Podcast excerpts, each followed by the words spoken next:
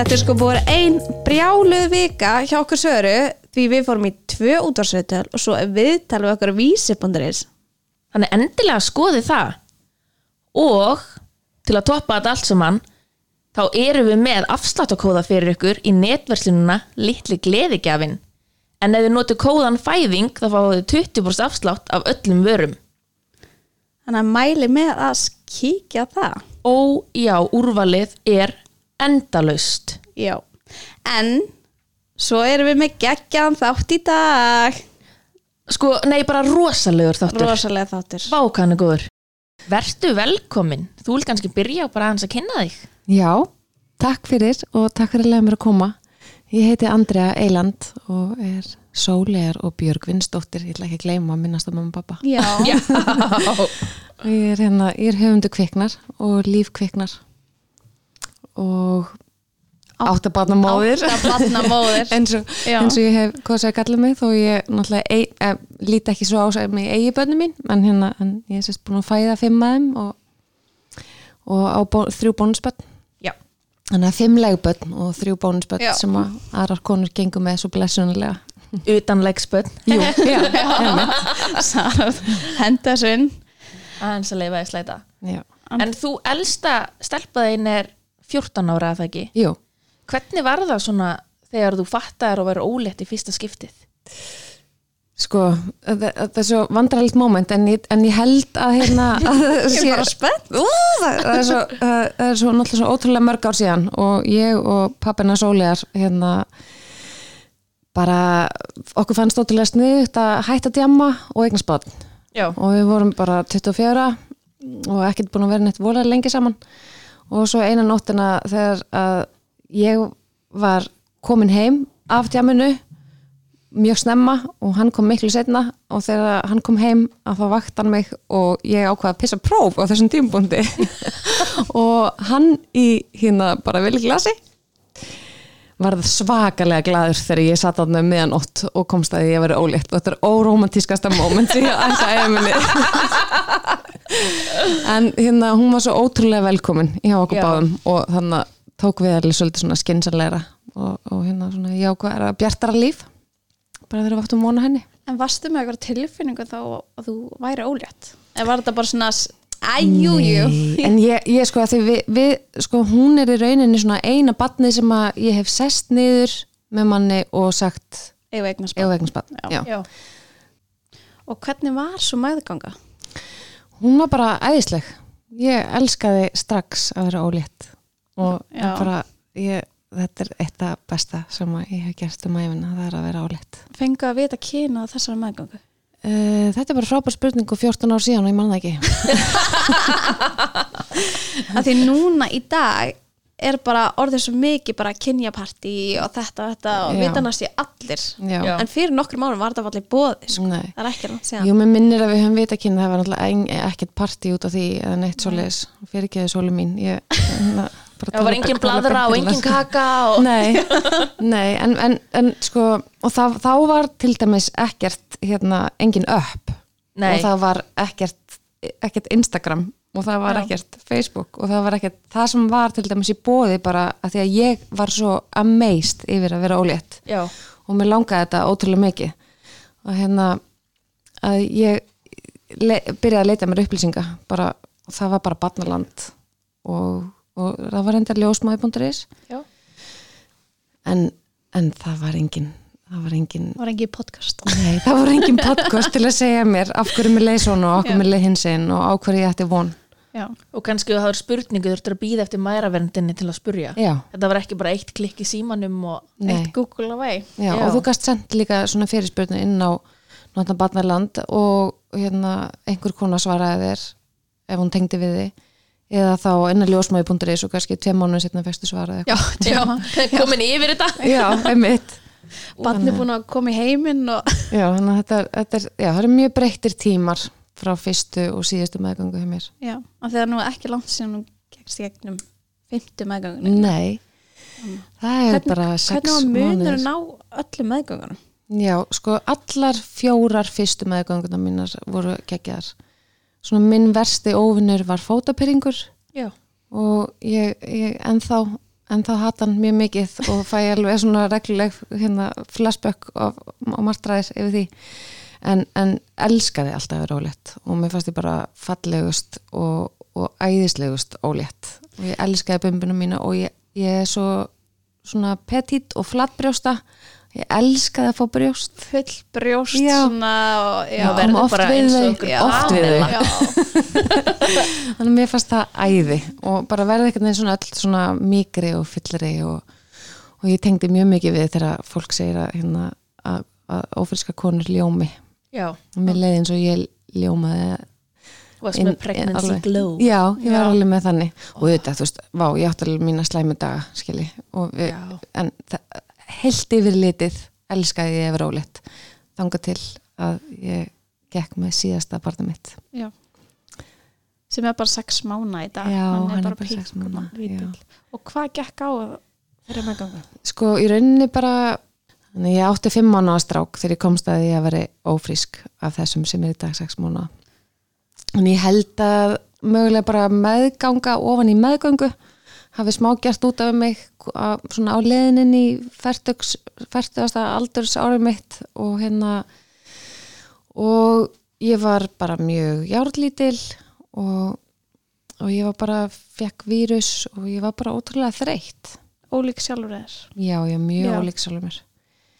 Ég var, ég var samt ótrúlega glowing. Ég var Já. mjög Já. glowing en það var líka út af því að það var ókslega mikil sól. Já, og ég var rosalega brún. Ég var rosalega Já. brún og ég Já. verði vilt ekki brún en húðun á mér, þetta er náttúrulega bara eitt af þessu skrýtnaði meðgengur, húðun á mér bara varð allt í einu eitthvað svona súkuleði sem Já. ég aldrei upplegað áður. ég myndi sá myndin á Instagram og ég bara ég er heppin ef ég næði sem lit með brunkukremi. Ég er bara, wow. Akkurat, ég er ekki viss um ég fátt en okkur tíman aftur en vá hvað þetta var geggjað. Þetta var Það bjargaði algjörlega, algjörlega meðgengunum minni, sko. þannig að líkillin að góðu glói er brunka. Nei. já, já, er, já, að góðu glói brunga og ólita já, já, ég fekk nefnilega ekki þetta pregnancy glow mér Nei. leið bara eins og ég var já, ekki kvalur beint en þú veist, ég fekk bara þennan líða því að ég er náttúrulega líka lítil já, og þú náttúrulega þekkir þetta að vera Já. með stórt bat sko. já, já hann var veist, þetta er Þetta er, þetta er alveg tilfinning sem við getum alla tengt við einhvern tímbundi, alveg saman hvort við elskum að, vera óldar eða ekki Já. að það er einhvern veginn að, veist, að færa sig frá annari hlið yfir á hina á nóttinni er náttúrulega bara, og nú hugsa ég myndi nýbúin að segja að ég elska þessa fjóra meðgangur það er nú til dæmis eitt sem að. Engin kona elskar að gera að það er að velta sér í rúmunu komin, Mm. þú veist, 39 vikur í leið. Einmitt sérstaklega þegar maður er að vakna í tíunda skipti til að pissa Já. yfir nóttina. Já, þurfa að standa upp. Mér er svona að þurfa að rúlla sér úr Já. rúminu. Þetta er smá rúll. Og hvernig voru samt, þú veist, fæðinganar og allt svona frá fyrstu til fyndu já, sko, hún sóli mín um, elsta hún átti smá öruleikum með að koma út uh, ég er sérst búin að eiga fjórar píkufæðingar já, og þau hafa öll komið skökk niður. Og hún byrjaði sérst á því að koma að svona svolítið albartinu festast skökk og ég endaði að fá sko mændauðingu og hérna, það hægði á og ég fekk drip og þetta gekk þetta gekk mjög bröðslega og hérna hún var sérst, tekin sér með sóklukku og ég var klift og ég Varstu- fann náttúrulega ekkert fyrir því en ég heyrði það. Oh, Varstu klift til hliðar? Ég veit ekkert hvernig hún klift mig, hún bara klift á mér fokkin píkuna. Oh my god. Ái já, Já, en Ó, þetta var ekkert, þetta var náttúrulega, ég- þú veist, ég fann ekki neitt. Nei, en, ekki en ég, já, þú heyrðu já, þetta. ég glemt ekki, sko. Nei, líka bara ef fólk geti sé svipin að þér Ég sá bara, ég liggu við þú bara fækst flashback. Ég liggu við sá myndina í augasteininu þínu. Já, já, þetta, þetta var smá, þetta, þetta, voru, þetta voru átök. Þannig að, þannig að, afsakið fyrir sem gripa fram. Klippið út. En að varstu búin að undirbúðar eitthvað fyrir fyrstu fæðingu? Af því að þarna lappar inn í að vita ekki neitt að hafa aldrei upplifað þetta áður. Já, sko, ég náttúrulega las allt sem ég mögulega gæti lesi. Aðalega voru þetta náttúrulega erlenda bækur og ég reyndi líka svona bara að skoða alls konar á internetinu og vera duglega að spyrja í maður, maðuravendinni og allt þetta. En mér fannst aldrei vera nóg mikið til að upplýsingum og sem er náttúrulega kannski ástæðan fyrir ég síðan endaði því að skrifa bók en ég byrjaði náttúrulega að skrifa kviknar þegar ég var ófrísk af sóli Já, ok. þannig að það, þaðan, þar byrjaði hún þannig að hún er náttúrulega orðin 14 ára þá hún hefði bara Vá. komið út fyrir tveimur ára Já. síðan já. Þannig að það, já, ég, ég bara undirbjóð mig eins mikið og ég, mögulega gat og ég ætlaði að vera ótrúlega svona senuð á því. En ég var náttúrulega samt 24 ára og ekki svona þrosku eins og þið eruð, ég var mjög sendrosku og hef alltaf verið, sko, ég varð ekki til fullarum fyrir um 35 ára, sko. Þannig að hérna, ég, já, ég var nei, mér fannst ég ekkert vera neitt sérstaklega undirbúin og það komið mjög mikið óvart þessir, þessir hræðilega erfiðu verkir. Já, og mér fannst þetta ekkert sérlega skemmtilegt. Og þegar hún síðan loksins kemur út og full, full stofa af svona fólki að tóku dýfur hjá mér síðarnar og, og hérslættin hennar og eitthvað svona þetta var svona smá, þetta var bara svona áfall fyrir mig þessi fæðing. Það er bara, ég var bara viðkynna það alveg. Og hérna og mér fannst mjög erfitt, hún kom og ég var í gæðsæringu og já, segjum það bara sem svo að við, við sóli erum, erum ótrúlega góðar vinkonur í dag en við vorum kannski ekki hérna við fyrstu sín af því að ég var smá ósátt, ósátt sko við hvernig og kendi henni smá um. Ég hef heyrt þetta. já, Já. að hérna að þetta tók yfir líka minn, ég hafði enga stjórn mér leið ógeðislega illa og, og yfirfærði svolítið á bara þetta á hana. Ég hef einmitt heyrt þetta að já, stundum að þú takir tilfinningar sem þú fækst í fæðingunum og láti bera það á badni veist, að þetta var svo vond Já. og þú reynir kennir því smá um. Það, veist, það eru margir sem upplifa þetta. Svona, og alls ekki nógu margir sem opna sig um það nei, Nei, að því þetta það er, það er ekki náttúrulega bara nokkur ár síðan en ég sagði þetta fyrst upp átt sko því að þetta er bara eitt af Mom þessu shame. þúsund Já. hlutum sem við skömmumst okkar fyrir Já. í sambandi við líkam okkar og tilfinningar til, þú veist, barnan okkar makun okkar bara, Mhm. og sjálfur okkar aðalega þannig að já ég, ég, ég átti bara smá erfitt með þetta en sem betur fer síðan bara gekk, hún var indislegt unga barn og brjóstakjöf gekk ótrúlega vel og Ó, er með hann á brjósti í nýju mánuði og hún er bara algjör snillingur skilju, þannig að það, það átti ekki eitthvað svona, það var, ekki afleðingar af því en ég hugsaði alltaf til fæðingarna sem eitthvað bara hörmungar dags Já. Já, svona hugsaður um hana sem slæma upplifun. Já, og vannst eitthvað úr því?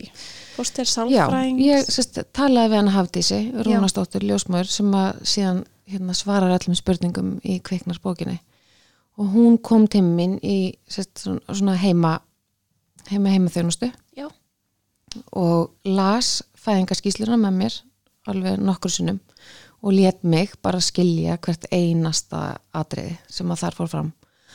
Og þannig bara vann ég mig úr svona því versta.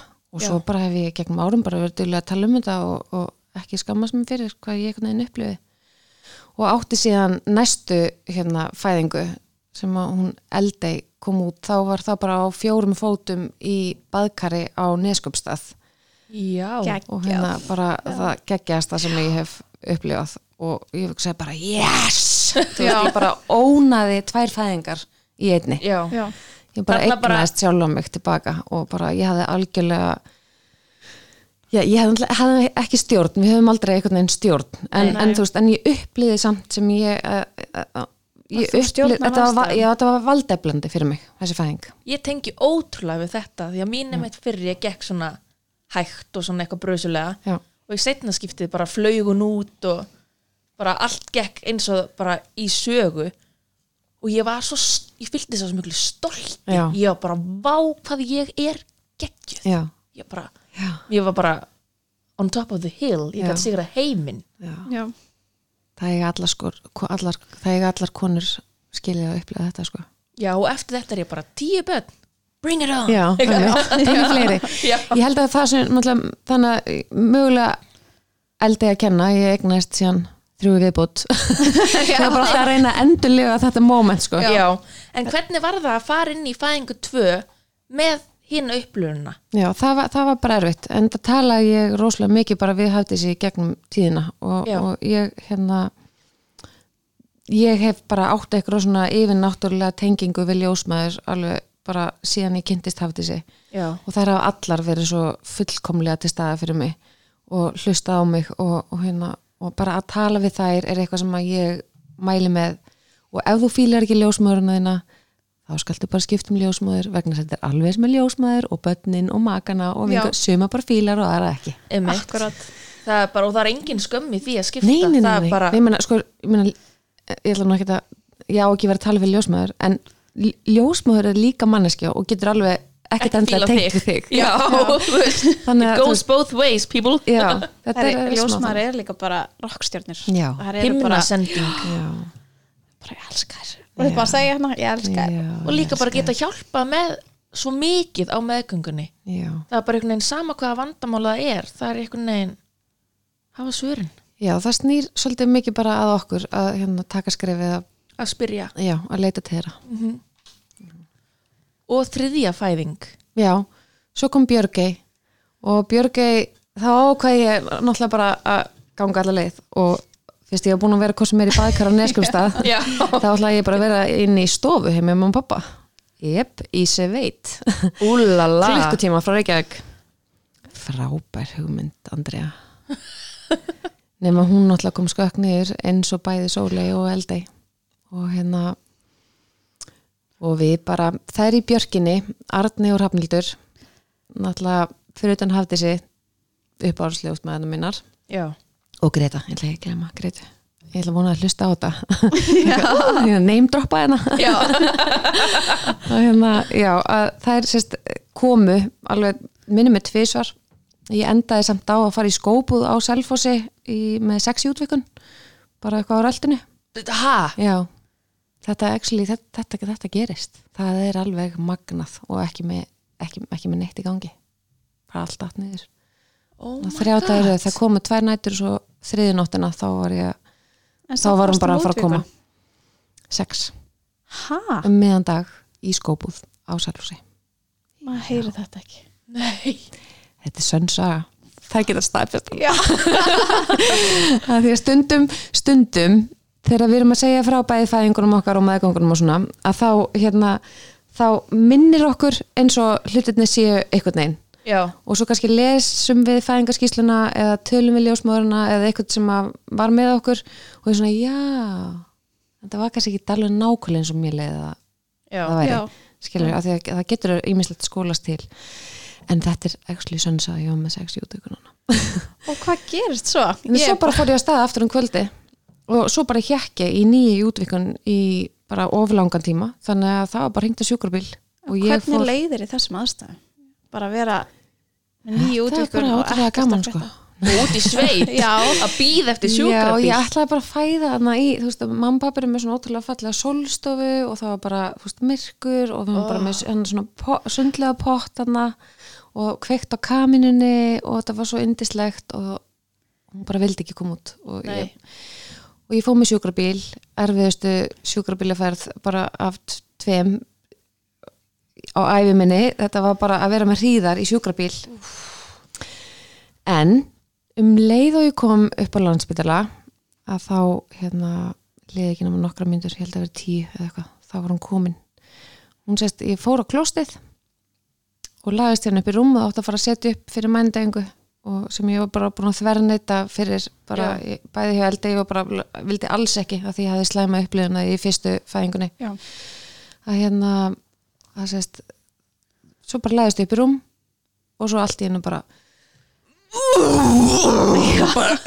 mamma, ég þarf að kúka. Og ég bara ég, mamma bara, nei, nei, nei, nei hún er að koma. Ég bara, nei, ég ég- ég- ég- þarf að kúka. Svona bara leið mér. Já. og svo bara kom hún. Og bara í tveimur embingum og bara skauðst hann út. Það er indislegt nú er ég búin að vera með kúkaljóðum minn í fæðingakastinu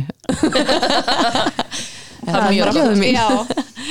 þannig að það, ég veit ekki, þetta er svona þessi tilfinning ég veit bara þegar rembingurinn Já, bara Já, tekur líka yfir bara yfir tekur Já. allan og þú Já. hefur enga stjórn á hann þú getur ekki stoppað hann og þegar hún segir kannski ekki bara svona maður bara, "Urgh", bara Já. hérna, maður er bara þetta er að gerast Já.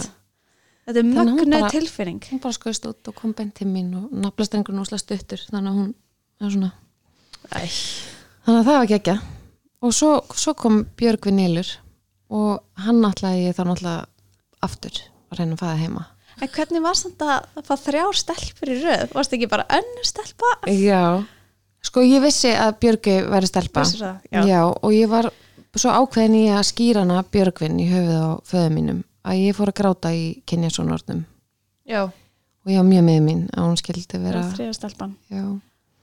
En svo er ég svo ótrúlega glöð með þetta Já. að ég var hérna síðan fúl þegar Björgvin var strákur og því ég sagði ég ætlaði bara ekki að stelpur það var bara ætlaði að stelpumamma já. þannig að hérna já. þannig að Björgvin, Björgvin síðan átt að koma í, í stofunni heima hjá okkur Já, þannig að þú ætlar að reyna í, já, já, reyna aftur. ætlaði náttúrulega sjálfsögur einn aftur og hefði líka gert það minn síðasta batni mitt En varst ekki kvíðin þá? Þegar þú ert bara, varst bara ákveðum? Já, bara efaðist ekki í eina mínútu. Hvorki með Björgei, eftir fæðingunni eldegar í baðkari á fjórum fótum, svona æðislega upplifun, að þá var ég bara ákveðin í þetta get ég alveg sjálf. Já. Þú veist, ég get þetta sjálf. Og náttúrulega með ljósmáði við liðna mér og þær taka aldrei neina áhættur í heimafæðingu.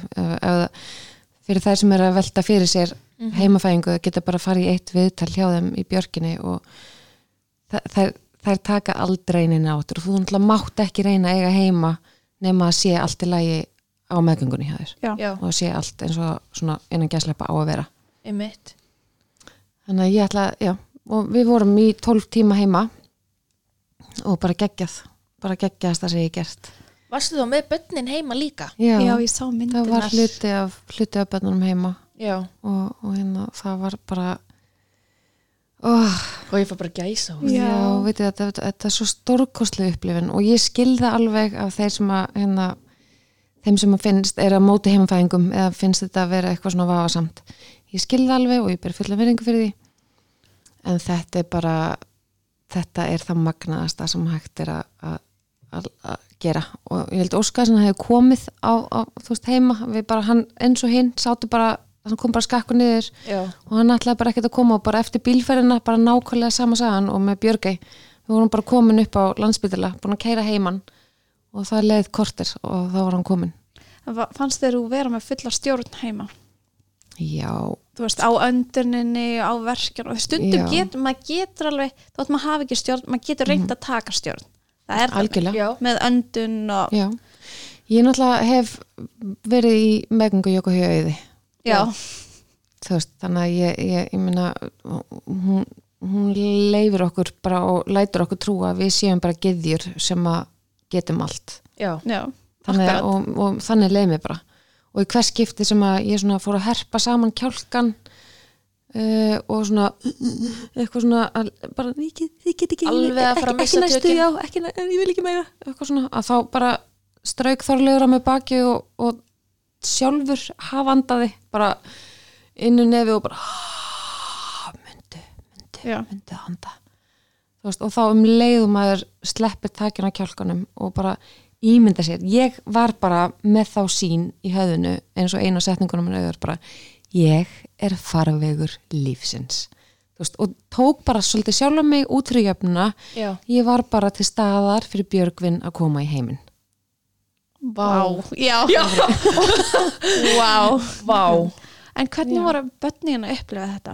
það, er bara, það, það er nefnilega svo stórkoslegt við náttúrulega leiðum þeim að velja hvort þau Já. vildu og, og hérna og stelpurnar vildu náttúrulega allar vera og, og hérna upplifu þetta sem bara eitthvað ótrúlega spennandi hlut. Það, ég hef náttúrulega talað um fæðingarna mína við þær. Já, Og líka þær skiljalið, það er barn að fara að koma í heiminn. Þetta er ekki bara þú í verkjum. Nei, Það er tilgangur já, tilgangum með fyrir. þessu Já. Já.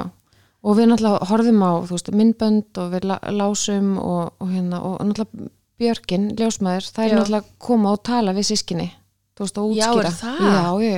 Sko, það sem að mér er heyrt af Björkinni, það er bara öll já. Þær eru bara eitthvað. Já, það er algjör gyðir Þannig að, að þær voru bara mjög undirbúnar og það var mikið grátið þegar við endum síðan á að niður á spítala. Já, það var mjög, það var mjög sárt. Og var sárt að taka líka ákvörðuna. Bara nú ringjum við að Já. sjúkarabíl. Var ekki alltaf það er eiginlega að það fyrir mig. Ég var bara orðin rosalega þreytt já, og ég tristi þeim bara algjörlega til þess. Ég hefði alveg geta verið áfram og ég hugsa alveg að því að hann alltaf fættist síðan bara örskott stundu eftir við komin á spítala að ég fekk svona, ó, ég hef bara beðið aðeins lengur, ég gat alveg verið lengur en maður verður, þú veist, maður treystir þeim fyrir lífinu sínu og Já. ef að þær segja, nú held ég þessi komin tími til að við kíkja neyrir þér og svo komi ljós og þá, hérna, þá var smá kúkur í legavætninu og, og það þýðir bara eitthvað svona smá stress eða þreita hjá honum Þannig að þú hefðir, hvort sem er öruglega þurft að fara á landspíla, landspítalan, er það ekki?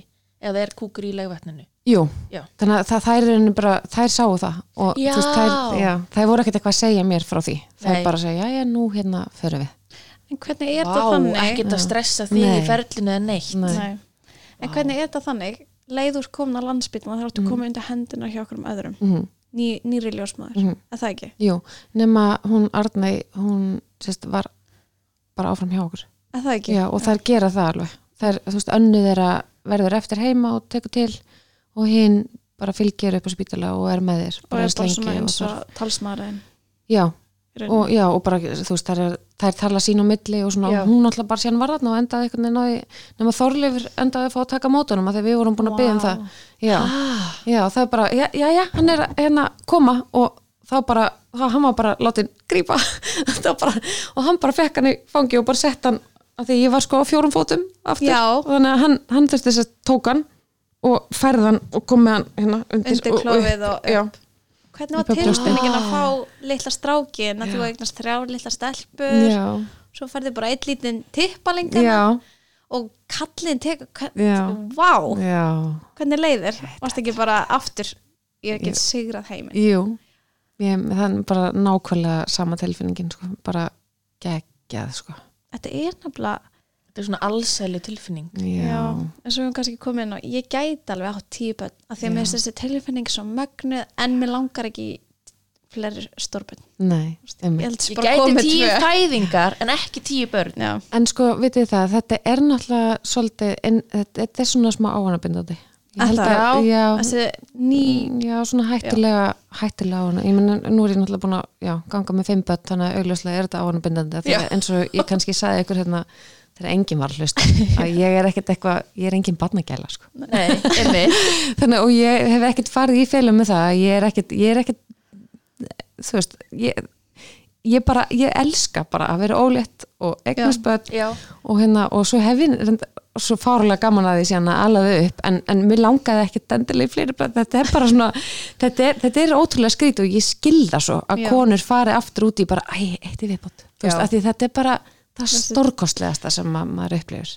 Maður líka leysir út fullt af upplifir. ástar hormónum, maður leysir svo mikið Já. í fæðingu. Já, en þetta er það, veist, þetta, þetta eru bara hormón, þetta er bara kikk sem hún færð sem er ekki hægt að lýsa. Og það er náttúrulega samblanda öllum þessum hormónum að, og þessi léttir sem þú upplifir þegar þú ert búin að bara, bara koma heilum líkama út um píkuna þér og það bara, veist, bara tilfinningin. Já. En hvernig var ánum fyrir út í fymtu fæðinguna Mhm. og hvernig var útrensunin eftir að vera búin að eiga fjögubönn og leiði herpa saman? Þegar stundu að heyri maður að það getur alltaf verið vesna og vesna með hverju barni út að leiði verður lélagra Já, uh, sko, já, það, ég upplifði sérst, að það, það væri þessi samdráttarverkir, samdráttarverkir væri hérna verið með hverju að það ekki? skiptinu sem ég setti barn á brjóst. ég upplifði það líka nefnilega. Eða ég var bara tvö en ég upplifði það bara fyrst það var vant en annað það var rosalega vant. Já, svo verður þetta að vera. já því að Og leiði verður eða Já, ég meina þú veist, það er náttúrulega augl- augljóslega, þetta er náttúrulega stóru veði sem að bara tegist á og svo bara skreps á hann og svo Já, aftur og já. svo, þannig Þetta er og harmonika. já, harmonika. Já. já. þannig að að það er er ekkit óalegt að þurfi, þurfi aðeins meira til því fleiri skipti. og var meiri útrensun hjá þér líka Nei, ég get ekki sagt-? Já, mér hef alltaf fundist þetta vera bara eitthvað svipað og bara nóg á stórum bleium og netanarbusum og já, akkurat mér, já, mér fannst það líka. Bara já. fyrstu dagana nógu stóru bleiðum og svo Já. bara kefti ég bara venjulegt umbindi og notaði bara í 6-7 vikur. Meiri segja, meiri segja eftir keisaran sko, það var að tala með er kannski mögulega minni veist, að Já. fyrir náttúrulega eitthvað blóð þegar það er s- skorið. En, en, en mér fannst þetta að vera alltaf mikið að einhvernum svona köglum og já, bara ógeði Já. Ég já, ég segja já, þetta er bara, þetta er bara Þetta þannig. Já. en stundum var ég bara í styrtunni kannski var ekki búin að standa upp lengi svo að fara í styrtu og ég bara, var ég að fæða bann þetta á hérna ég veist bara að taka þetta upp úr styrtunni já. Til þess að stípla ekki. Já, þetta var þetta það bara stórir blóðklump bara stundum var ég bara, er þetta í læg á ég látt að kíkja á mér? Svo, þetta er bara mjög eðalegt já. nema að sé eitthvað óvel við erum ekki fagað það fram hérna Þannig að alltaf spyrja ljósmaður alltaf spyrja Alltaf. ljósmaður já, akkurat. En svo kemur að meðgöngu númer 5 já, dan, dan, dan. já, við komum aðeins inn á aðan hún var erfið. Já, já, var erfið meðganga. Já, hún var erfið. Hérna, og svo bara svo bara fannst mér uh, undir lokin hann reyfa sig lítið. Já, og þannig ég fór og láta gáða því. Og þá var ég tekin í vaksta svonar og þá var hann áallar 5,5 kíló. Fækst ekki sjokk? Jú, og það var búið að segja við mig en það hefur verið sagt við mig alla meðgöngunum mínar. Vá, hvað ert með stóra kúlu. Og það er bara, held ég, út ég er svona frekar óvenjulega lett og, og þarna, það var líka verið að segja þetta við mig þarna síðustu. Mhm. og ég hugsaði bara það er náttúrulega svo stutt á milli meðgangna og, og hérna þannig ég held að ég verið bara svona eitthvað aðeins tegjanlegri eða eitthvað hérna. En jú, greinlega hef ég verið bara jú, og ég mældi mig síðan sko, með báða strákarna, það munið alveg einhverjum 8 cm á, á kúl, svona ummáli á kúlinu eða 10 Vá. já, það er mikið. Já, þannig að hann var alveg tölvört stærri. Og svo kom í ljós að, hérna, að, að, að því ég var sérst ekki fann að stað og ég var komin 41 pluss 6 fækst að ganga svo langt fram yfir þótt að væri svona stór? Já, því þetta gerðist bara þegar ég var komin 41 pluss 5 að ég fór, þannig þá var ég bara ekkert fann á stað og ég ætlaði að eigi náttúrulega mátti ég ætlaði bara að óna hérna, fjórðu hérna, já. já. en eina fæðinguna. Já, og bara hafa þetta allt eins fullkomið að mögulega geti verið. Og hérna og svo bara fór ég aldrei á stað. Og ég eiginlega byrjaði síðan ég vaknaði bara upp dag eftir dag eftir dag og ég hafði alltaf gengið yfir 40 vikur sko. Þannig að mér fannst þetta ekkert svona skrítið þegar ég kom svona 41 að þá fór svona aðeins að fór, já, fór, fór, fór, ég, með undrast. Já. fór ég undra eftir barninu undrast eftir barninu. Þannig að svo, hann kom aldrei og ég vaknaði dag eftir dag og hann kom aldrei og svo var ég alltaf bara farin að finna mingar hefingar þannig ég fer og út af því að hérna, hún svona kíkti í sónar og henni fannst þetta eitthvað svona grunnsalegt þannig þannig að ég fór í vaksta sonar og þá var hann áallegur, já, svona stór. Og við settist niður með bara fæðingarlegni og kærasta minn segir eiginlega uh, byrju, getið ekki bara tekið hana? Hún er ekki, ég meina horfa á hana, skilju hún er pínu lítil hún er ekki bara að koma út hérna 5,5 kíló á batni og hún, hún, það, hún talaði um í sónarnum að þú veist þetta gæti alveg verið svolítið skekkjumörk. Já, Já. nefnilega mjög mikið skekkja. Já, upp og niður. Já, og hann, er- hún sagði ég misti það mjög ólíklegt að hann sé svona stór. Svo var hann 5230 sko, þannig að það var ekki það mikið skekkja. Og 59 cm og, og wow. 39 höfumál og hérna, já, þannig að ég, sko við erum, hún, sa- hann, hann sagði ma- ma- megu, megu, má hún ekki bara fara í keisara. Og hún sagði það er, það er nú vilt ekki nei, ákveðum, fyrirfram ákveðum ekki keisara. Svo reynir samt fer hún og, ráðfæri sig við annan hérna deltalegni já, og það, við fyrir með þessar svona ræða sérst, fyrir fæðingarna mínar sem að öll koma skökk niður.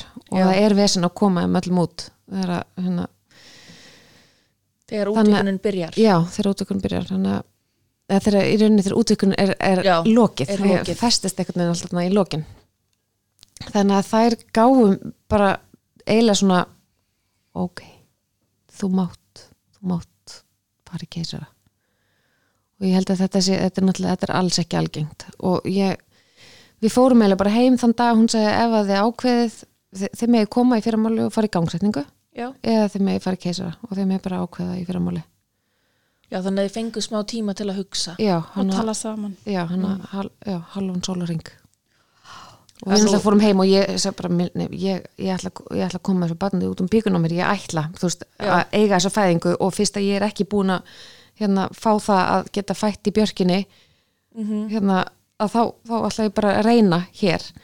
Og svo bara þegar við komum daginn eftir og þá, nei, Nei. ég ætla að ráðfæra mig við Hafdísi, Já, tala náttúrulega um mömmu og, og vinkonum mína sem hafa farið í keisara og alls konar svona. Og ég sá svolítið fyrir mér þetta að, að fara kannski að stað og eigaruleikum með að koma honum út og fara þá í bráða keisara. Já, og hérna og ég þá ákvað að fá það frekar að, að hérna að þetta bara forsendum. Já, gera það bara mínum fórsendum og, og ég hugsaði með þess að þið tók svona hérna, jákvað og neikað við þetta að það hugsaði, ok, bara þá alla leið frá heimafæðingu. Tökum bara planaðan Já, og, og þá mögulega get ég og tengt við fleiri konur. Já. og hérna að þegar ég lifi og hærist í því að vera að tala við konur í batnægnaferli og hérna þannig að ómögulega get þá fleiri konur tengt um mig ef ég hef verið skorinn að, að hérna að þegar ég hef aldrei upplegað það. Og þá getum við tala saman um það. Og ég get skilið tilfinningar þeirra og hvað það er að gangi gegnum. Vá. Þannig að það er svona minn Já. aðri tilgangur í þessu. Og ég held að- að varmi hafi bara komið inn í lífið mitt meðal annars til þess að kenna mér þessa leksíu já.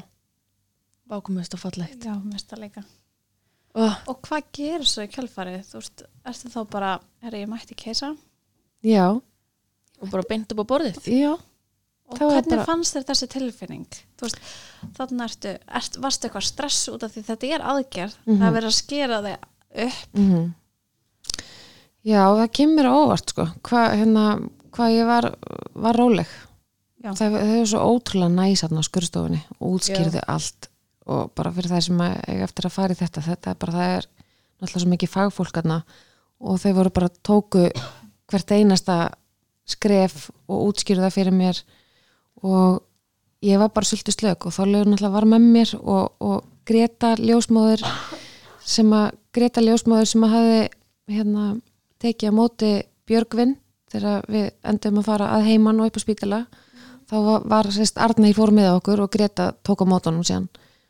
Eða þær báður að, hérna, að hún fekk að fara inn á skurðstofun með mér þó að það væri önnur ljósmóður oh, Í- að- sem átt að vera skurðstofun þannig að hún fekk að vera með og þannig ég var, ég var bara svo slök. En svo verður maður náttúrulega maður dopnar náttúrulega og þetta er, þetta, er, þetta er náttúrulega allt annað allt annur upplifun heldur en svona fæðing út um lögung er ekki takt að líka þessu saman. Nei, og það verður náttúrulega ekki þessi léttir þú veist, sem maður finnur þegar að barni kemur út.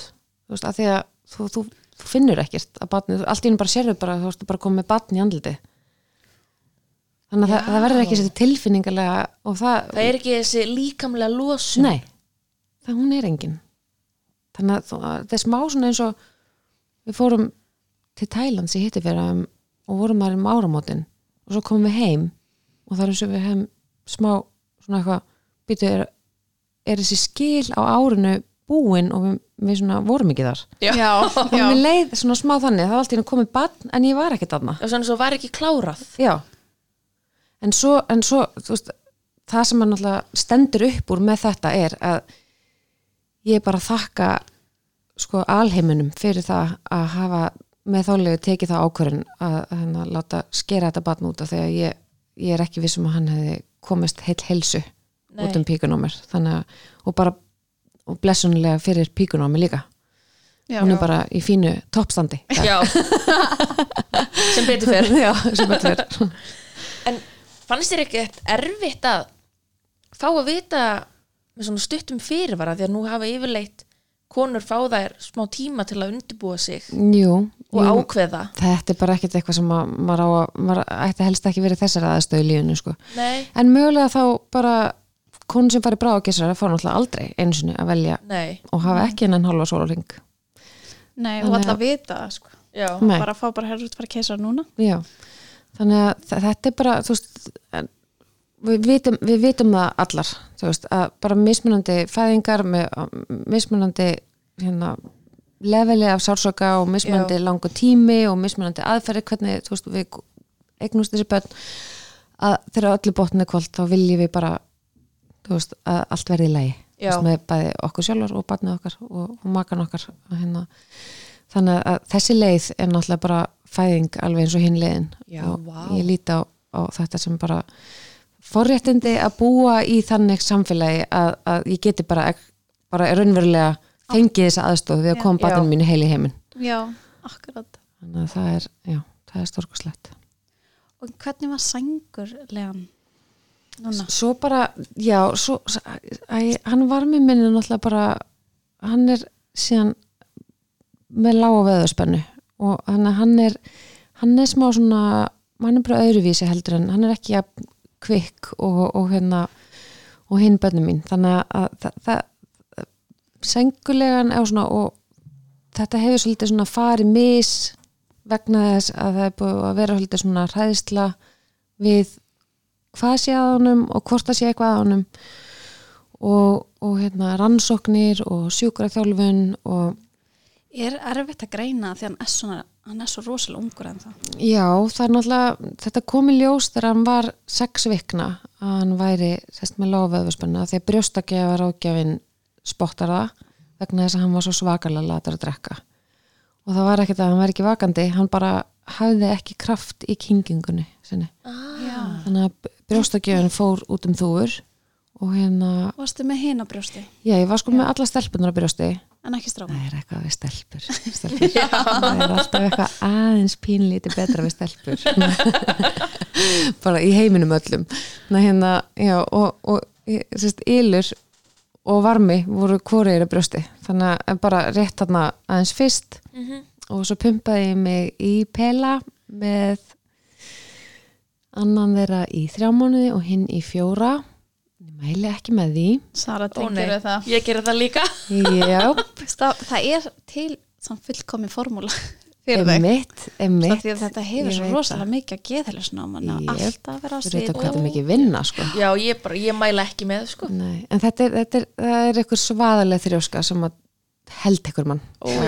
Ég, já, ég ætla bara en svona, svona sko við tökum bara náttúrulega bara ákvarðanir á hverjum tímbúndi fyrir sig á þeim fórsöndum sem eru þar hverju sinni fyrir sig Mhm. Algjörlega við verðum líka bara að Ef ykkur vil leggja á sig vinnuna þá er það bara allt gott og blessað. Já, En þetta já. er bara erfitt og já. En það, þannig, að, það, þannig að hún gekk ekki upp og að því að hann var hann bara sex vikna og hún tók eftir þessu, hún sendi okkur nefnir barnaspitila og þá var hann bara strax greindur svona, hann lá bara með hendur og fætur svona bara út til hliðana og það var ekkert svona svo lítið börn þar sem þau eru alltaf eitthvað neginn svona onni í Alltaf sjálfu í sér, svona. Já. en hann lá bara svolítið. Já. og hún sagði bara um mig finnst þér hann linur og ég hugsaði mig bara svona um í sem ástund og ég, já? En ég held bara að væri út af hann var svo svakalega stór Já, að hann réði bara ekki við Útlimina. en ég held bara að hann væri þannig og svo, en það small samt strax um leið og hún spurði mig. Já, Já, þannig að, já, þannig að hann, hann er sko, hann er búin að koma öllum á óvart og hann er bara sjúkarþjálfarinn bara ofur ána með hann og það kom ekkert út úr litningaprófunum og þannig að, þú veist, við vitum ekki hvað verður en þetta er bara hérna, einn dagur í einu bara eins og í rauninni hjá okkur öllum þegar við erum með lítið börn að hérna að ég held þá að sko, hérna en ég upplifi náttúrulega bara þess að eins og ég tala um hann, ég upplifi þú veist að vera hrætt við að elskan já, og hérna og ég held að, að margar konur tengi við það af mismöndi ástæðum og nú er ég búin að upplifa að vera inn að út að spítala með barn líka og hafa áhyggjur af veikindum og eitthvað svona. Og þetta er held ég allt saman bara gert til að tengja við fleiri konur. Ég get svo svarað þetta er bara Ég eitt verkefni. Já, Eitt þetta er bara verkefni. já, þetta er bara eitt stórt verkefni allt saman sko. þetta tengist allt. Já, En núna áttu, ert búin að fæða fimm börn. Já, Ég man að þegar ég var óleitt í annað sinn þá var ég með ótrúlega mikinn kvíða og ég var svo hrætt við að eignast annað barn að því ég var svo stressuð um að ég gæti ekki elska það. Mhm. hvernig er að eiga fimm börn? Og finna tenginguna við öll? Já, þetta er frábær spurning. Já, sko ég hérna það er alveg satt þegar konu segja að hérna, veist, hjarta stækkar bara hvert skipti sem að hérna, þú eignast annar barn. Og þú heldur, ég hafði mjög miklar ágjur af þessu, eh, ég hafði ekki mjög miklar en ég hafði einhverja ágjur af þessu á hverju meðgangu fyrir sig að er síðan bara hægt að elska annað barn jafn mikið og ég er búin að elska það fyrsta, annað, þriðja, fjórða, fymta og, og það er hægt. Málið er samt að við elskum ekkert all, allt fólk eins. Skiljið, og það er alveg þannig með börnun okkar líka. Þú veist, það er ekkert eitthvað mismikið en bara öðru vísi alveg eins og veist, við tengjum bara mismunandi við mannverður í kringum okkur. Og þannig er það líka með börnin okkar. Þau, ég meina, þau kom ekkert og veist, við eigum þau og okkur á að líða svona og þeim finnst við bara best skilur alltaf, það er ekkert þetta er ekkert þannig, þetta er, þetta er bara samspil, tveggja ólíkra einstaklinga, tveggja bara aðskilina einstaklinga skilur, og leið þú ferð batni í hendunar þú þarf fyrst að kynnast í stundum Já. til að elska það. Já, Þú veist, það er ekkit endilega komið bara strax. Nei. það tekur ekki nokkra daga, marga Já. mánuði. Þú veist, þetta tekur bara tíma að kynnast það getur tekið einhver ár í svona tilfellum. Og það Þannig að- er bara, það er engin skömm. Nei. það bara alls ekki.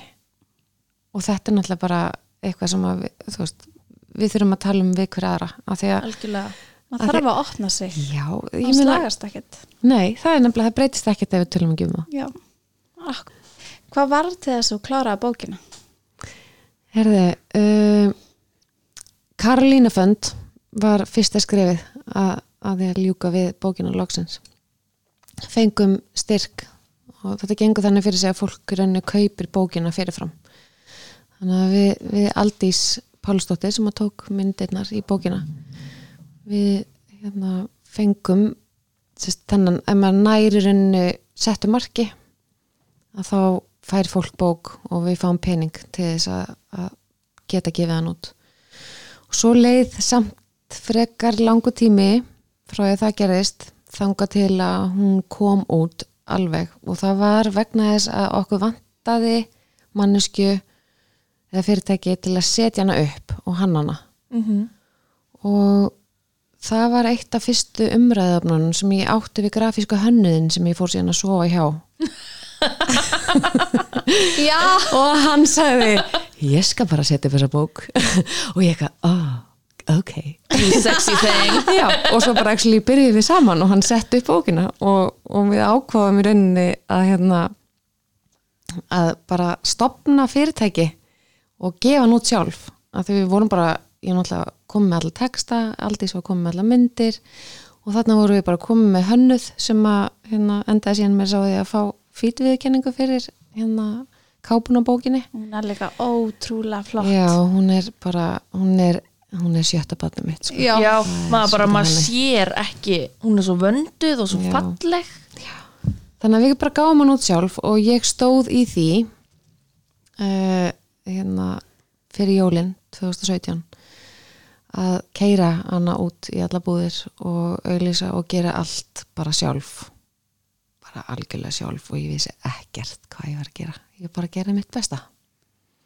Ég myndi segja þér að bara tekist nokkuð vel. Já, svo bara Ef þú útskýrnar bókina fyrir okkur. Já, hún er hérna, hún er í rauninni bara spurningar og svör.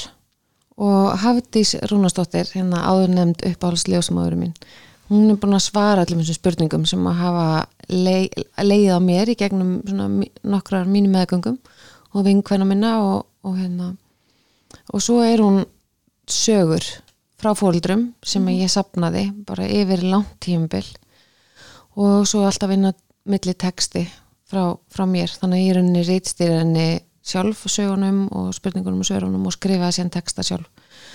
Og svo hérna er hún bara prýtt ljósmyndum frá Aldísi Páls af, af nögtum konum út í íslenskri náttúru og, og allt ótrúlega fallegt það er hægt að kaupa sér þessa bók og bara aldrei opna hana ef maður Af því hún er vill svo falleg. vegna þess að hún er bara svo falleg á borði en svo hún er líka Já. falleg inni já, og svo er hún veist, þannig já.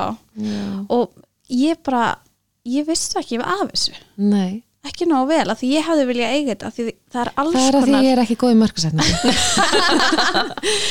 það er svo mikið fróðleikur hérna bara eins og þetta hérna beint fyrir frammi kúka ég í fæðingunni Mhm. það er ekki allir sem veit þetta Nei. þú veist, það er svo mikið af þessu og svo eru svörin fyrir neðan Mhm. og það er um sóklukku og tangir og skemmtun og rembast þetta er bara, Já. það Já. er allt í þessu og þetta er fróðleikur frá fagaðala Já, það er það sko. Það er svona spurningar uh, eins og innan gæsleppa við segjum stundum, engin spurning er of heimskuleg, en Einmitt. þetta eru svona innan gæsleppa heimskulega spurningar uh, og síðan bara svör við þeim. En sko það, það komast náttúrulega aldrei alla spurningar fyrir í svona bók. Nei, en, en þetta er samt, hún er unnin yfir svo langan tíma að ég er búin að taka út og setja inn og taka út og setja inn og bæta við og bæta við og, og hérna, þetta bara tók þessi ár og ég held að fyrir vikið sé hún ennþá betri já, og ennþá tímalausari. En hérna, en þessu það kom, það koma sko, ég tilgangurinn með bókinni var alltaf sá að skilja lesandan eftir með þá tilfinningu að þetta er eitthvað jákvætt og fallegt sem er framundan þó Já. að geti tekið á. Og að þú, þú fáið svona tilfinningu eftir að lesa hana bara, heyrði, ég get þetta ég, ég get þetta. Ég, ég ætla bara að trúa og hlusta á mitt eigið innsægi mm sem móður eða verðandi móður og, og ég get þetta. Með þess að ótrúlega fallegt. Ég, ég held að, það, vá. Já, en vá, líka hvernig þú sagðir þetta þú hefur svo mikla ástríði fyrir já, þessu. já, það er nefnilega málið. En svo, þú veist þetta, er smá fyndið einhvern veginn þetta er svona lagst fyrir mig hérna í lífinu svona með ég hef einhvern veginn aldrei fundið mér neitt starfsvettvangu eða neitt og ég gæti ekki einu sinni púlað að vera flugfræða sko, ég bara ég, þú veist, ég, ég, ég bara viss aldrei hvað ég ætla að verða og ég er bara, ef þú spurt mig í gær líku við sagt, ég, ég, ég veit ekki ég veit ekki hvað ég ætla að gera lífun, nú er ég að vera færtu á þessu ári sko. Og ég er bara allt í einu búin að koma að staði að ég stend í miðjunni á kviknar og það er allt í einu bara tilvera mín. Já, og mér langar náttúrulega alls ekki að segja neinum frá því hversu mörgum klukkutímum ég eði á Instagram á dag. Að tala við ykkur. Svara skilabóðum svara og bara spjalla og deila og alls konar. En þetta er bara það besta vinna sem ég geti ímynda mér, þetta er bara, ég vissi ekki að ég geti eignast svona stórkostlegan sko, bara lífsferil já. fyrir utan, þú veist, fjölskyldu og vini og allt þetta. Þetta er bara geggjað Það er líka bara eitthvað við þetta, það fylgir sér svo mikil gleði. Já, bara svo hrein, falleg gleði. Þú veist, ég, mér langaði aldrei að vera ljósmóður en eitt þú veist, það, var, það er ekki þannig. Þannig þú veist, og ég er ekki ég er ekki fagkona skilur, ég er bara, ég er bara miðlari ykkar á milli og ég er bara hérna í ringuðinu á ykkur og við erum bara veginn saman í þessu. Og ég er bara veginn að koma upplýsingum frá einum stað annars, bæðið með bókinni og lífkviknar og Instagraminu og podcastinu sem er framöndan og serið 2 sem er að koma. Heyrðu það fyrst ég Já, mest, mest sem var spurt um Já, var, verður serið sería 2 já. En hvað verður til þess að líf kviknar verður til? Sko ég, þegar ég var ekki búin að gefa út bókina þá fór ég og talaði við mann sem heiti Þórallur og var þá að vinna hjá Sagafilm. Og það, það kannast flesti við Þórall úr, úr sjómarpi og ég sagði við hann og eins og ég ger alltaf þegar ég byrja að tala um kviknar að ég bara, þú veist, ég bara ég brennu alltaf innan. Já, og ég fekk hann eitthvað smá fund með honum og ég sagði bara, mér langar svo að gera mér langar svo að gera sjómarp, mér langar svo bara þú veist, taka bókina og bara gera hana lifandi. Og hann horfði á mig og svo fullur með svo fulla trú á mér. Og hann sagði, kondu til mín, þú eru búin að gefa hann út og ég bara, ok. Bara núna verði ég að gefa nú út já, þá kom smá svona aftur sparkir að sinn og náttúrulega, þú veist, núna 14 árum setna, þú veist, hún er hérna en, en, hérna, en hún er í rauninni bara upphafið að því að, að, að ég gerði sér sjómarp vegna þess að svo bara um leiði ég búin að gefa út bókina það leiði bara nokkru mánuðir Já. þá bara bæði ég um fund með honum aftur og, og, og fór til hans og sagði honum bara eiginlega nákvæmlega sama. Og hann, hann fyrir mína hönd einhvern veginn brann fyrir þessu, alveg frá degi eitt og hann sagði bara frábært, þú sést komin aftur. Og nú bara gerum við þetta og við bara fórum í tökur bara líka við korteri setna Vá, og svo bara urðu þessi dásamlegu þættir líf kviknar til. Þó ég segi sjálf frá, ég er svo stolt af þessu. Þú mátt líka vera það. og svo er snill edduna fyrir þetta ég er ennþá ég er ennþá. Til hamingju. Til hamingi með edduna. Já, og kalt henni við þetta, stelpur. Ég les eiginlega ekki bækur. Ég horfi eiginlega ekki sjónvarp og ég lusta aldrei á podcast eða útvarp eða neitt. Og núna er þú búin að gefa út bók Já. Búin að gera sjónvarstátt já, Ertu að fara að vinna í podcast Eða fara Já. að gera podcast. Já. Og svo aðra sjómaseri Og aðra sjónvarsserju hún heitir Líf Dafnar. Vá. Já, Gæsa húðin er komin. Hún er komin. þannig að hún er frá fæðingu og svona fyrstu 2-3 ár basins 2-3 Vá við erum að fara inn og alveg svakalega bæði viðkvæm og falleg mómenti lífi fólks í Líf Dafnar En hvernig er það? Vanda er þá viðmælendur? Já, það? já, mér vantar nefnilega viðmælendur og ég er, að því að núna er sko raunin í kerslu á Instagram Já. þannig ég hef ekki, ég var bara að fá grænt ljós frá stöð 2 í gær að segja frá því að við verðum að fara að gera þessa þætti þannig að hérna þannig að ég, ég er ekki búin að, ég er ekki ennþá búin að koma að því að tala um þetta á Instagraminu af því að það er bara svakalega flottar samræður í gangi Einmitt. á Instagraminu núna sem ég vil ekki tröfla þannig að hérna mig vantar fyrst og fremst fólk sem að er ætlaði barn Já og vil leifa mér að vera með í að hitta barni sitt oh. Ég er bara að tárast. Já. Ég er komin á þann stað. Þetta er svona moment sem alla dreymur um. Já, og þetta er í rauninni bara sama bón frá mér eins og þegar ég óskaði eftir að við fengjum að vera með í fæðingu. Já. Þannig að, og svo ég hefði náttúrulega ekkert að móti við, við kannski fengjum líka að vera með í ykkur fæðingu. Já. Af því að Það það, má alltaf það þarf að á einhvern hátt sko að tengja seríuna saman og verða með flott ef við myndum byrja á svona 5-6 fæðingum Já, ekki? er Nei það væri bara geggjað Já.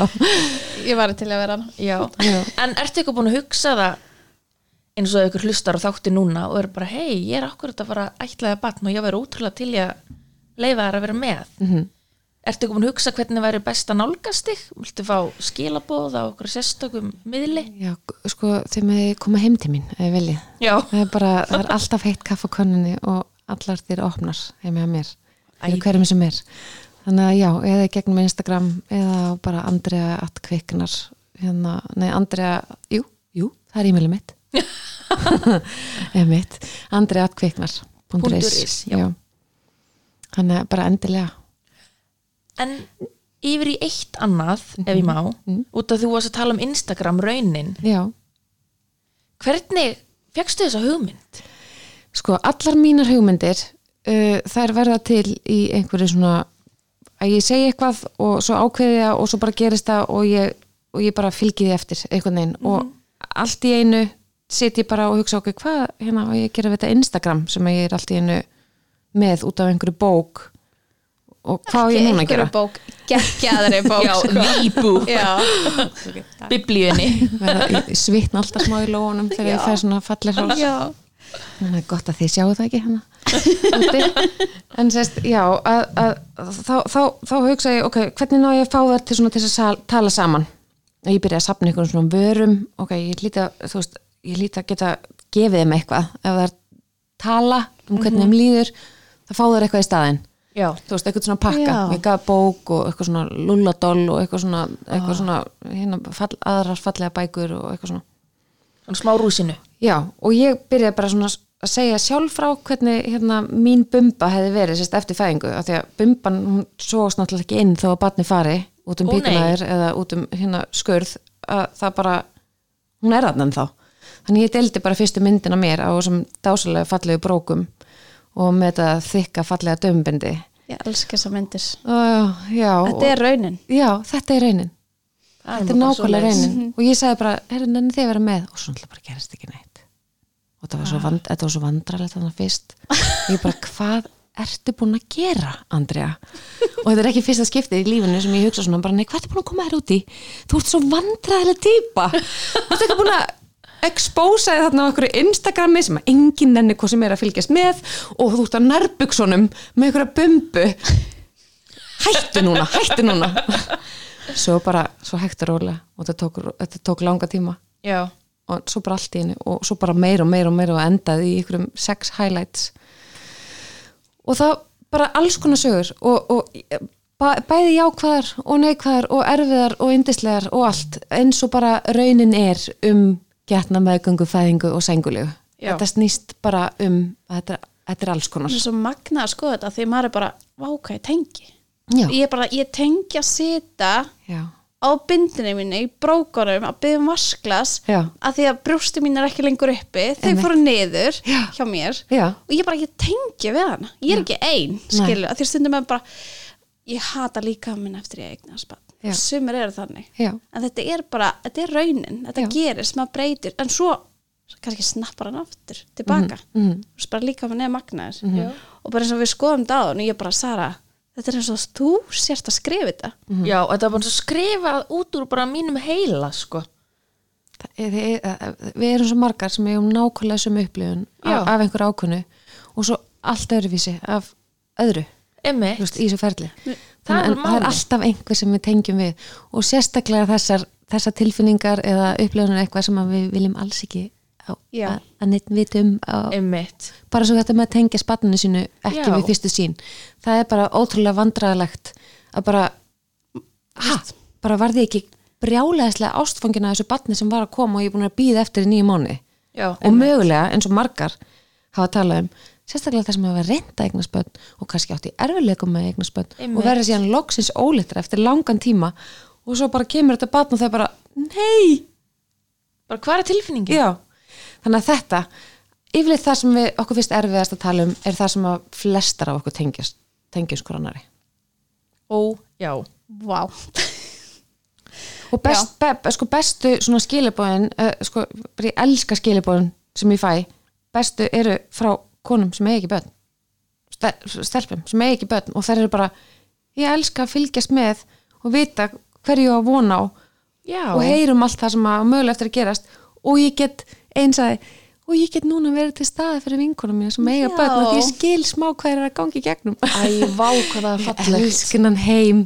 Þið eru svo æðislegar. Oh, ah, ég elska og svo ertu líka í hjarta. Já, því mér finnst svo magna því ég tengdi ein- veist, einmitt þetta með tilfinningalega partin líka rosa mikið. Að það er svo margt sem maður myndi ekki segja upphátt en það, ef eitthvað eitt segir það þá er maður bara, já ég Það er rétt. Já, það Já. er rétt, að því mér leið svona. Já. og það er ekkit það er engin skömm að líða eitthvað ákveðin. Það er það ekki. Alls ekki. Og ef maður talar um það, maður miklu meira getur unnið úr einhverju sem er kannski ekki vandamál eða vandamál. Já, þannig að þetta er svo flott að opna þessar umræður um alls konar sem gerist í þessu ferli. Já, við getum sko talað þessa skömm, skömm við getum sko talað þessa skömm í kaff, já, Ó, það er rétt. Bara út með hana sko við ætlum bara að óna þetta. Við ætlum að óna þetta. Já, en svo ertu líka með hashtagið mín bumba. Já.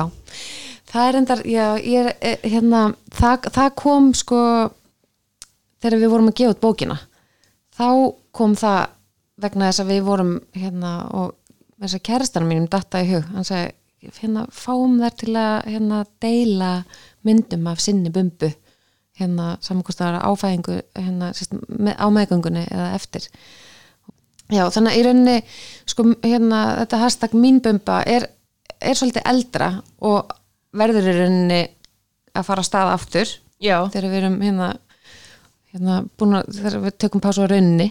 En hérna en vegna þess að alveg svo þú upplifir og við allar upplifum að við er enginn okkur með eins bömbu og við erum allar svo ótrúlega mismöndi og hérna og, við, og bæði, bæði lítum við mismöndi út og við upplifum okkur mismöndi eins og sem finnst við mér finnst ég vera fallegast, fallegast í heimu og aðra bara fíla sig alls ekki. Og það er bara það er stórkostleikin í fjölbreytileikanum. Og svo getur kúlan líka verið mismunandi hjá sömu konunni á sikkur meðgöngunni. Já. Já, svo finnst mér alltaf mikið verið að segja eitthvað þú ert með litla bumbu, þú ert Já. bara svo stór að því ég Já. var rosa stór og ég vissi að ég var alveg meðvitu Já. en það var alltaf að nýtta þú ert með svo stór, allir hafa svo Ert þú ekki einhverja- alveg að fara að eiga? Já, og ég stundur laug ég alveg, já, já, eigi í oktober því ég átti að eigi í november Já. bara svona Einmitt, að því ég skammast mín ég veit það og svo líka er bara bumban stundum síin, stundum há þú Já. veist, þú veist, það er að hafa svo margir skoðanir líka á hvernig bumba þín lítur út Já. en þú ert bara óna þína bumbu að þetta er þín bumba með þínu batni Já. og ert bara að óna þetta Já. Þú gefur alveg þessu hashtaggi hérna aðra meiningu og Ó. takk fyrir það, þetta er indislegt Já, þú, þú verður startarinn af því að hérna, þetta fyrir að staða aftur þegar það kemur. Mín bumba, mér fannst það alltaf mjög flott þetta Já. var á þeim tíma sem ég verði Já, á fyrsta batni já, og þá ung. Mm, ekki öðru barni. Ekki, Öðru jú, öðru, öðru barni. Já, Ó, öðru ok, barni. ég manna ekki ég er búin að eiga svona mörg varst, þú varst svo stór á, á öðru barni. Já, já, ég var svo stór. Já. þannig að mér fannst það rosalega flott. Já. þannig að þú ert búin að gera rosa mikið að góðum hlutum andra búin að vinna ettuna búin að gefa út bók búin með seri 1, fara í aðra serju Ó já, og fara að gefa út podcast. Já. og ert með áttabötn á heimilinu. Já, og mann. Já Já, og, mannin. Ekki gleyma manninum, það er mikil vinna að vera með mann. Þetta er auka barn. Nei, þessi betur fyrir á ég geggja hann kærasta, ég er óskup mikið fegin því. Já, þetta er bara þú veist, við erum náttúrulega, við erum líka við skulum ekki gleyma að við erum fleiri fóreldrar við e- erum Já. ekki með öllu þessi börn saman við að- en að það eru fleiri fullornir í uppeldinu á þeim. Og svo eigum við bæði e, stórkostlega fóreldra við, ömmur og afar, já, með tvö sett sem eru ótrúlega mikið involveruð í lífið, lífið okkar. Og, og að því að við þólega höfum svolítið talað um að við lítum ekki á börnin okkar sem okkar eign. Einmitt. við erum bara svolítið svona með þau í láni og við lítum líka á það sem svona forréttindi að hafa þetta þessi önnu sett af fullarnu fólki til þess að alveg bönnun okkar með Já. okkur vegna þess að það, það er ómetanlegt að fá líka inn bara þeirra hérna, þeirra ást og, og umhyggju. Og svo er bara það tekur, bara eins og ofta sagt það tekur samfélag að alveg bann þetta er ekki Nei, það er alveg einnar rétt hjá konu verk sko. Nei, alls ekki. En- erum saman í þessu.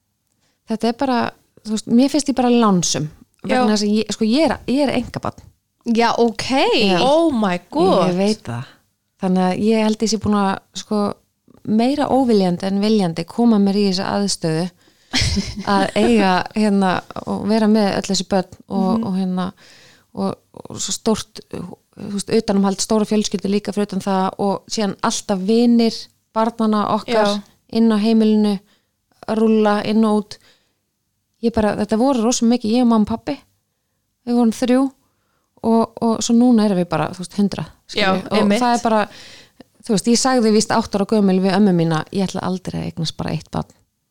Ég man ekkert eftir því, sko. En, en greinilega Það var eitthvað bara var eitthvað sem að, já, það er kannski bara eitthvað svona ítölsk hérna mamma í mér sem bara, ég vil bara hafa læti kringum mig og, og alls konar. Og við bara, við, við erum þú veist, við getum ekki skipulagt dagan okkar við reynum á hverjum einasta mánudegi að skipulegja dagana eða vikuna eða eitthvað það breytist alltaf allt á hverjum einasta degi og þetta Já. er það eina sem er örugt í lífinu okkar að allt breytist. Og eina sem að, eina sem að við svolítið svona leggjum svona metnaði að það er að, hérna, að ferðast með börnun okkar Já, bæði innan lands og utan og það er svona okkar áhagamál og svo reynum við að öllu afli að, að bæði svona fyrir okkur sjálf að stunda jóka og við erum alltaf að hérna, við erum alltaf á hverjum degi á leiðinni að fara að hugliða með krökkunum klukkan sjö daginn eftir og það er mjög misjæmt hvernig það gengur. Bara svo ég orðið að pent. Það, það gengur ef það gengur. Já, en við erum alltaf með eitthvað svona, já, við erum með markmið og tilgangu og ég er náttúrulega trúi því að það sem að, að, að kona ákveður, það gerist. Og það var bara til dæmis eins og þetta með ettuna að hérna ég var búin að sjá það fyrir mér þá ég ætlaði það bara og ef að annað hefði komið í ljós þá hefði það bara komið í ljós á þeim tímpúndi þetta er alveg eins og þegar ég ákvað að fæða heima. Ég var bara ákveðin í því. Svo bara kom annað í ljós, bara þú veist ekki að fara að fæða heima. Ok, þá tekst ég bara á við það. Emitt þá.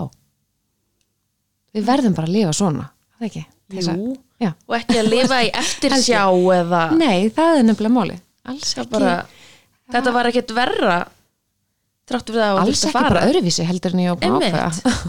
Þú ert ofurkona nei, Vá, alls ekki ég- ég, Mér stjörnir í augunum mín að sitta á móti þér. Vá. Herðu, þú ert nú búin að koma með ímsar og þegar hérna hugmyndir ég vist að fara að vera með live show. Já, you heard it here first. Já, Þið finnið mig og Viktoríu á fremsta back Já, já báðsgestirnir, heiðisgestirnir Já, við verum í. VIP-inu Ég vissi ekki þannig sem þetta væri til sko, bara svo það komið fram. Svo þannig að sagði hann, en að live þættina. Já. Live show Já, akkurat. Já, sko ég held, ég held að svona flesta þær sem að hafa yfir höfu áhuga, áhuga á að hlusta á þetta viðtal vita að ég er ég er svona freka vandrara típa sko. þú Geggju típa. Þú geggju Bara. Sko ég, ég er bara hægt að skammast mín fyrir það hver ég er. Og ég bara sem allir eiga bara að taka á sig. Já, við, Taka til sín Taka til sig Já, taka á sig. Taka á Ég tek það á mig og þið tekja til ykkar. Ég hérna, já og ég, ég mæli með sko bara kvatvísi smá kvatvísi mm -hmm. Staklega ef, eitthvað langar að- gera eitthvað eða dreymir um eitthvað, eitthvað gerið það það bara. Þú veist, ringi bara þetta símtal í þetta fyrirtækina sem er langar að vinna hjá eða þú veist, gerið bara það sem eitthvað dettur í hug þegar eitthvað dettur í hug, ekki hugsa þetta of mikið Og þótt að taki 12 ár að gera það samt 14 Já, 14, Já, 14. það tók 12 ára, hún er sko orðin 14 ára Já. Já, eins og stelpan. Já, nákvæmlega. Þannig að, já, aldrei, ekki, ekki gefast upp. Stundu það maður að hætta við eitthvað en það kallast ekkert að gefast upp, skilju Því þá er bara verið að beina okkur inn á okkur aðra braut. Já. Ef að, Og núna er þú. bara komin á þína braut. Já, þetta er mín braut, kviknir er mín braut. Já. Og þú ætlar að gera Já. þetta svona eða þetta er eiginlega orðið svona samfélag? Já, þetta er samfélag. Ég er að mynda að reyna núna eitthvað svona Við erum að reyna að búa til heimasíðu. Og ég er að, við erum að reyna að þýða líka yfir á ennsku og eitthvað. Þannig að allar hugmyndir að kviknar vel þegnar. Verðegnar, já. En, en þú veist, en þetta er já, þetta er, þetta er samfélag, kviknar er samfélag það er það. Og, og það er enginn sem að ræður í þessu samfélagi en bara allar við. Og þessi, þessi pappar sem að nanna. En að taka þátt Já. Já. Já. Og við hvetjum alla pappa að taka Já. þátt Já. Já. og hína að- Og bara alla maka Já, maka, við telum, ég vil helst tala um maka en auðvitað, auðvitað þú veist, það er samt það eru líka pappar það má líka tala beinti þá Þú veist, og, og, svo bara hína mömmunar sem er ekki ganga með bönnin hverju sinni Við viljum bara tala við alla já, öll Þótti séu öll Já. Þótti séu þið ekki einu sinni makar já. Stæði sem er ekki já, bara saman í þessu ferli vinkonur, einmitt eða, eða einar. Þú veist, sem eru bara einar. Mhm. og velja að vera einar. Vilja bara vera einar. Sk- skilja mjög vel, það er oft bara auðveldara að vera Það er ekki sko, ég veit ekki ég var ein í fimm ár sko, það var ekki Já, það er stundum næs að fá smá Það er ákveðið frelsi. Já. En ef við ekki bara segja þetta komið? Jú. og bara Andra, takk fyrir að koma. Já, bara takk kærlega Takk Og fyrir við- frábært kvöld. Við munum vera diggir aðdándir að Já. kviknar podcastir sem kemur Indislegt Við erum að býða mjög Já. spenntar Já, ég ávist að vera sendt út fyrsta þátt 11. februar Oh my okay, Þá god vita það, Já. 11. februar Já. Save the date Yes Það verður spennandi Er ekki að segja bara þanga til næst Já, Já. þanga til næst Já